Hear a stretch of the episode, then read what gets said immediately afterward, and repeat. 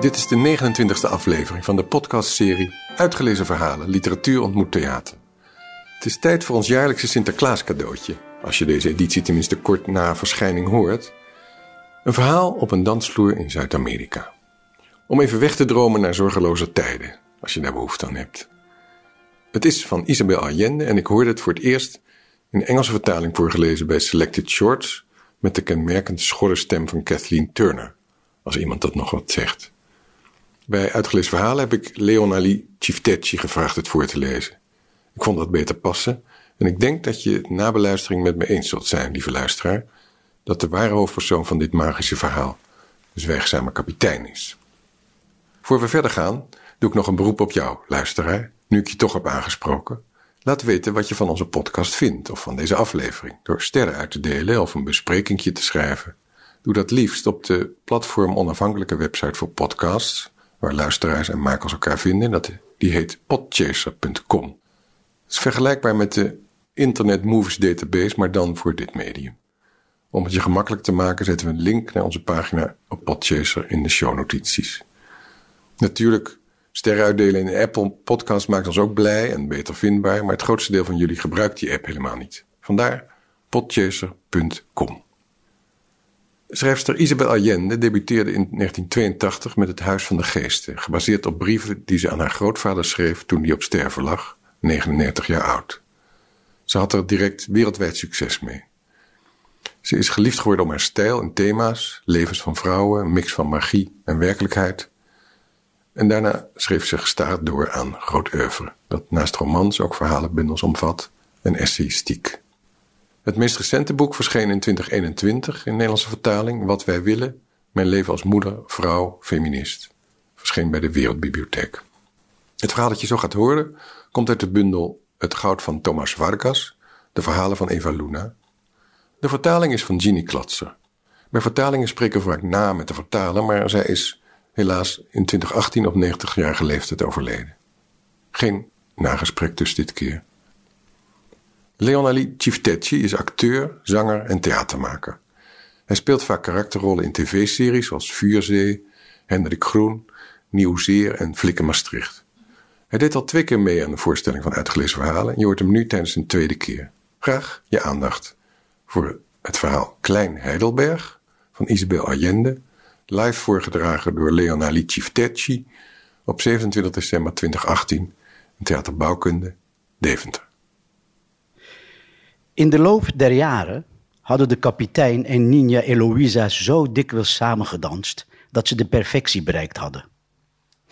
Ze wisten bij intuïtie van elkaar welke beweging gemaakt zou worden, op welk moment de volgende draai kwam en wat de betekenis was van een lichte handdruk of een voetbeweging. In veertig jaar hadden ze niet eenmaal een misstap gemaakt. Ze bewogen zich met de precisie van een paar dat gewend is met elkaar te vrijen en dicht tegen elkaar aan te slapen. En juist daarom was het moeilijk voorstelbaar dat ze nog nooit één woord met elkaar gewisseld hadden. Klein Heidelberg is de naam van een uitspanning die een eind buiten de hoofdstad te midden van bananenplantages op een heuvel ligt en waar men behalve goede muziek en een minder verstikkende atmosfeer ook een tongstrelend met allerlei specerijen gekruid gerecht kan genieten. Dat eigenlijk te zwaar is voor het hete klimaat van de streek, maar dat perfect past bij de tradities waaruit Don Rupert, de eigenaar, zijn inspiratie put.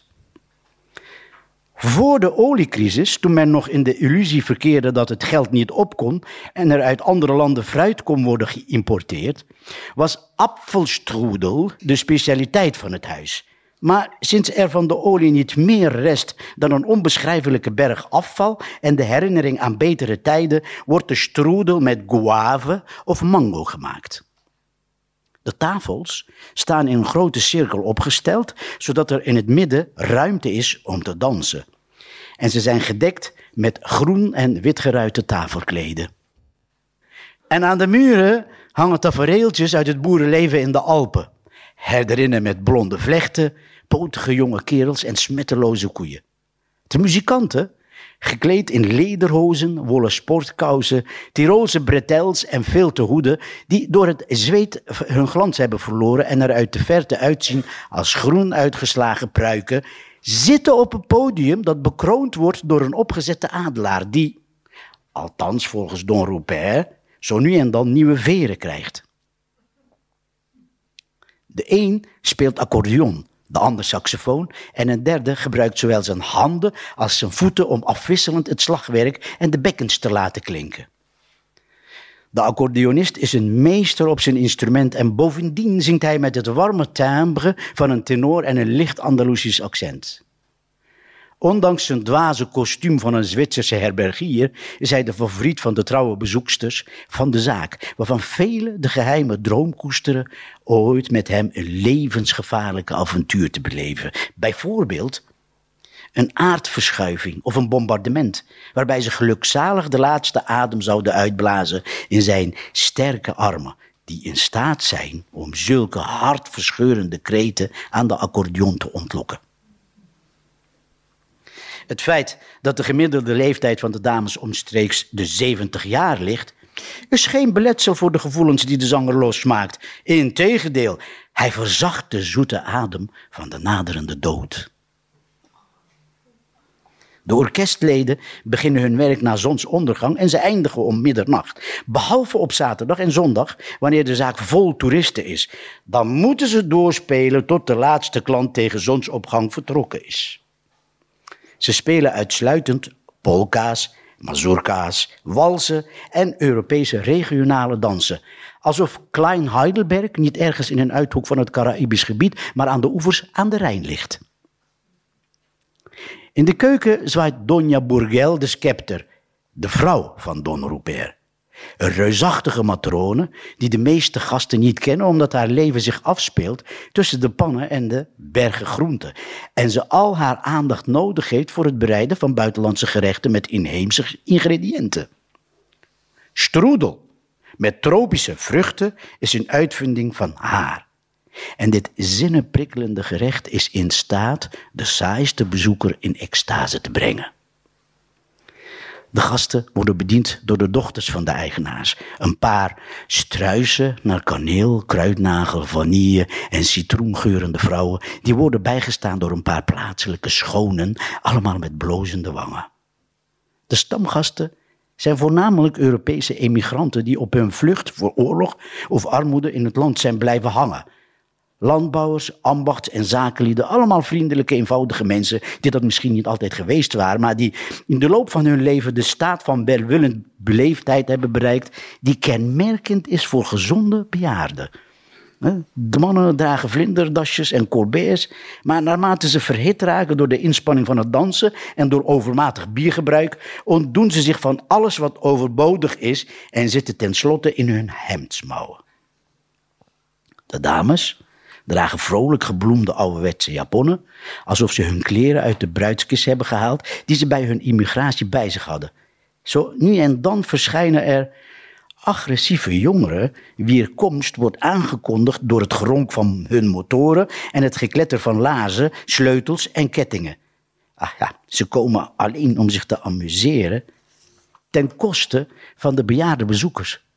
Maar het incident loopt altijd met een sisser af, omdat de slagwerker en de saxofonist onmiddellijk bereid zijn om hun mouwen op te stropen en de orde te herstellen. Op zaterdagavond, omstreeks 9 uur, als iedereen zijn portie van het zinnenprikkelende gerecht al genoten heeft en zich heeft overgegeven aan de genoegens van de dans, verschijnt de Mexicaanse en neemt alleen plaats aan een tafeltje. Het is een ongeveer 50-jarige opzichtige vrouw met het lichaam van een galjoen. Hoge kiel, bolle buik, brede achtersteven, gezicht als van een boegbeeld. Met een rijpe, maar nog stevige boezem en een bloem achter haar oor. Ze is beslist niet de enige die zich kleedt als een flamenco-danseres. Maar het past beter bij haar dan bij andere dames met grijze haren en een treurig figuur die niet eens fatsoenlijk Spaans spreken. Als de Mexicaanse een polka danst, is ze een op woelige baren op drift geraakte schip, maar op het ritme van de wals schijnt ze zich in rustiger vaarwater te bewegen. Zo zag de kapitein haar soms voor zich, in zijn dromen. En dan werd hij wakker met de welhaast vergeten onrust uit zijn jonge jaren. Volgens de verhalen zou de kapitein afkomstig zijn van een Noors koopvaardijschip, waarvan niemand de naam had kunnen begrijpen. Hij was een deskundige op het gebied van oude schepen en zeevaartroutes. Maar al die kennis rustte in een verstopt hoekje van zijn geheugen en was van geen enkel nut in het klimaat van deze streek, waar de zee een fraai aquarium is, gevuld met groen, kristalhelder water, niet geschikt om door koene zeeschepen uit de Noordzee bevaren te worden. Hij was een grote, schrale man, een boom zonder bladeren. Zijn rug was kaarsrecht en hij had een stevige stierennek. Hij droeg een jasje met gouden knopen en hij had de tragische uitstraling die typisch is voor gepensioneerde zeelieden.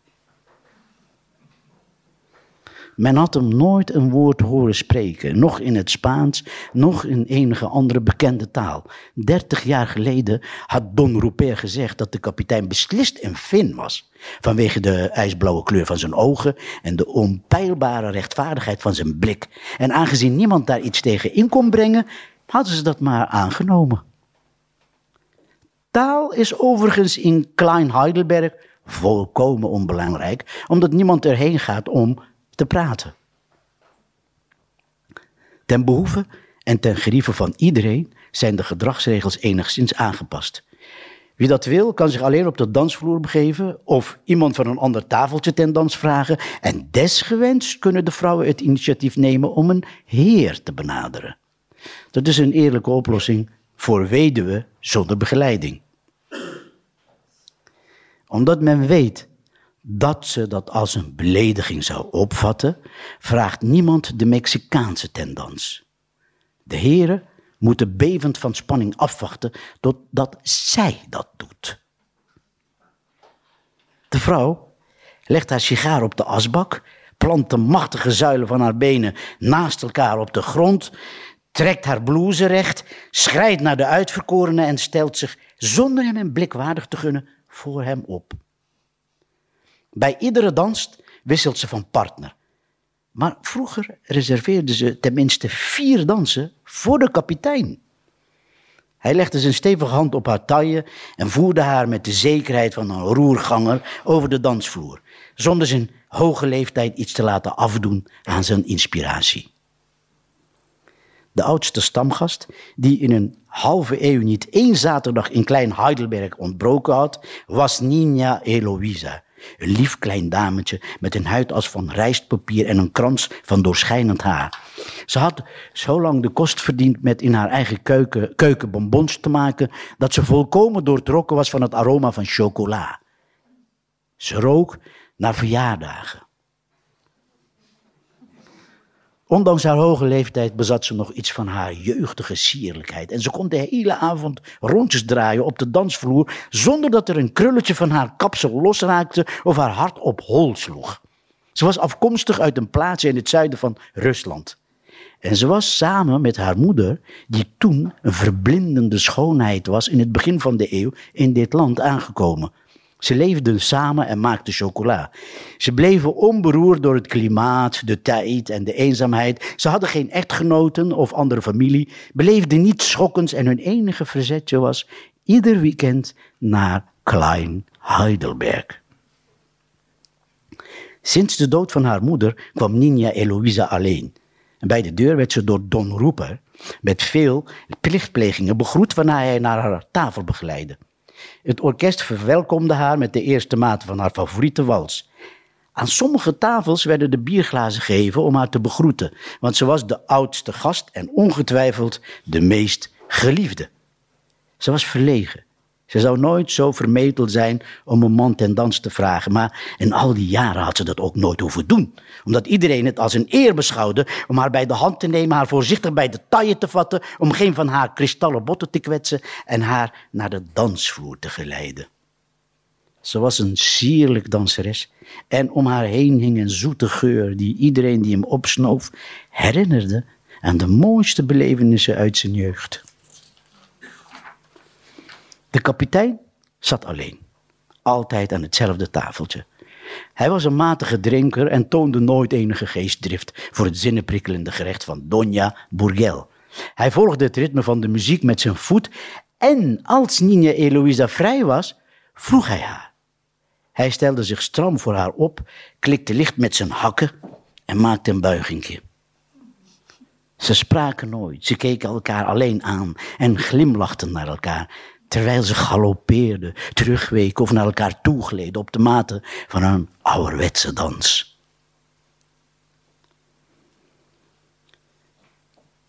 Op een zaterdag in december. Het was minder vochtig dan gewoonlijk werd Klein Heidelberg bezocht door een aantal toeristen. En deze keer waren het niet de gedisciplineerde Japanners die de laatste tijd vaak kwamen, maar grote Scandinaviërs met door de zon gebleekte haren en gebruinde gezichten. Ze namen plaats aan een tafel en keken geboeid naar de dansers. Ze waren vrolijk en luidruchtig, stoten hun bierglazen aan, lachten smakelijk en maakten luidkeels grappen. De woorden van de vreemdelingen drongen door tot de kapitein die aan zijn tafeltje zat. En van heel ver weg, vanuit een andere tijd en een ander landschap, bereikte hem de klank van zijn eigen taal. Zo helder en duidelijk, alsof ze pas ontstaan was. Woorden die hij in tientallen jaren niet meer gehoord had, maar die nog volkomen intact in zijn geheugen lagen. Over zijn verweerde zeemansgezicht trok een zachte glans. Gedurende enkele minuten aarzelde hij tussen de absolute geslotenheid, waarin hij zich op zijn gemak voelde, en het vrijwel vergeten genoegen om een gesprek aan te knopen. Ten slotte stond hij op en liep naar de onbekenden toe.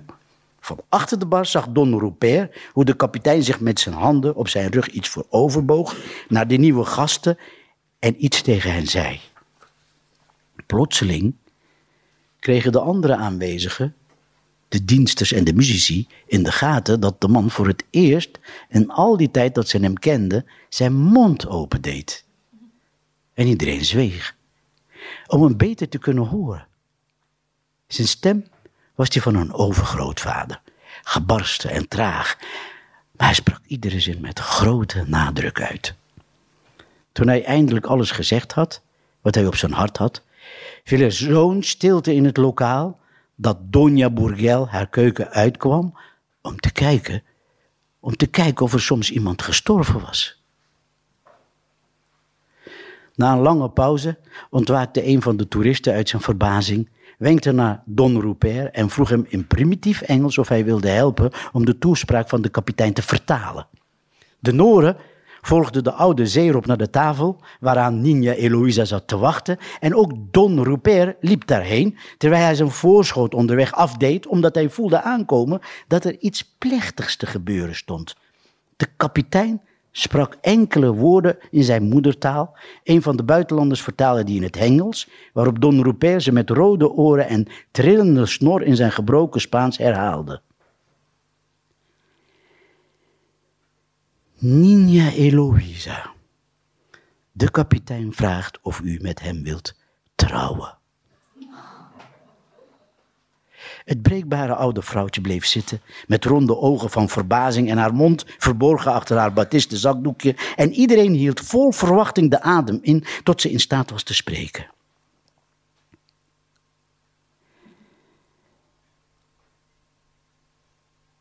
Is dat niet wat overhaast? fluisterde ze. Haar woorden werden door de herbergier doorgegeven aan de toeristen. En het antwoord legde dezelfde weg in tegengestelde richting af.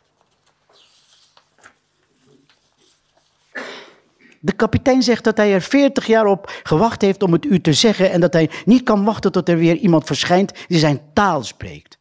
Hij vraagt of u hem alsjeblieft nu antwoord wilt geven.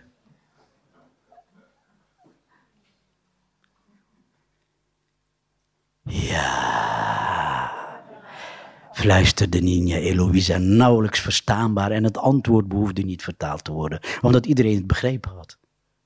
In euforie hief Don Rupert zijn beide armen en maakte de verloving bekend. De kapitein kuste zijn bruid op de wangen, de toeristen drukten iedereen de hand, de muzici lieten hun instrumenten losbarsten in een rommelige triomfmars en alle aanwezigen vormden een kring rond het bruidspaar. De vrouwen veegden hun tranen weg, de mannen stoten ontroerd de glazen aan. Don Rupert ging achter de bar zitten en verstopte, overmand door emoties, zijn hoofd in zijn handen. Terwijl Donja Bourgel en haar twee dochters de beste flessen rum ontkurkten.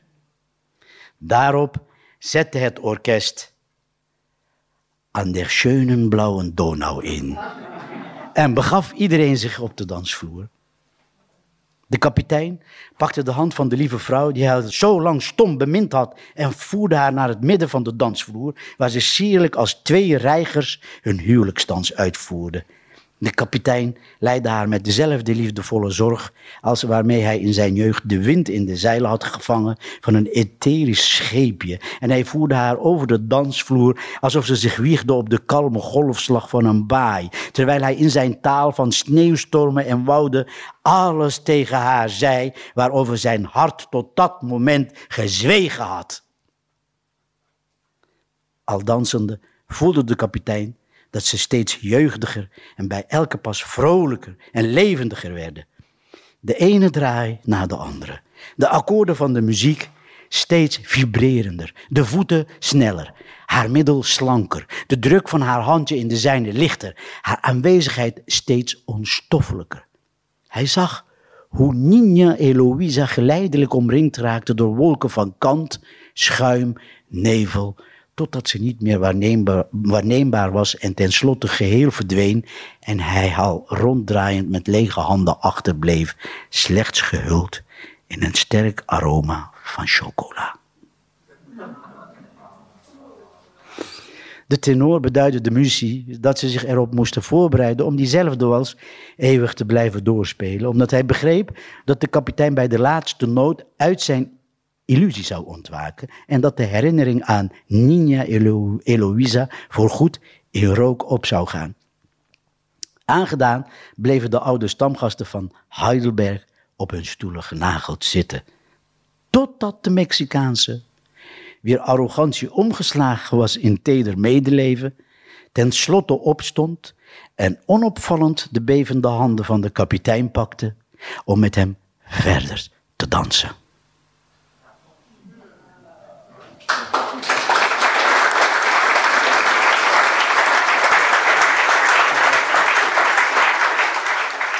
Dat was het applaus van het enthousiaste publiek voor het verhaal en de vertolking. nu terug naar jou, luisteraar. Dank voor je aandacht. Als je genoot, tip onze podcast dan aan je vrienden en familie. En deel sterren uit op podchaser.com en onze podcast of nog liever, schrijf een besprekingje. Dat kan gewoon in het Nederlands, hoewel het een Australische site is. Je moet wel even een account aanmaken als je voor het eerst bent. Ik rond af met het melden wie onze gullige subsidiegevers zijn provincie Overijssel, gemeente Deventer en gemeente Enschede. Aan deze aflevering werkten mee Isabel Allende, Ginny Klatser, Leonalie Ciftecci, Joep van de Pavoort nam het verhaal op in het theater, Dirk-Jan van Ittersum tekent voor de montage en de mastering van de audio. De herkenningsmelodie is van Instant Classical, Amir Swaap en Sietse van Gorkom. Mijn naam is Pieter van Scherpenberg en je hoort me hopelijk graag weer in een andere aflevering. Tot dan!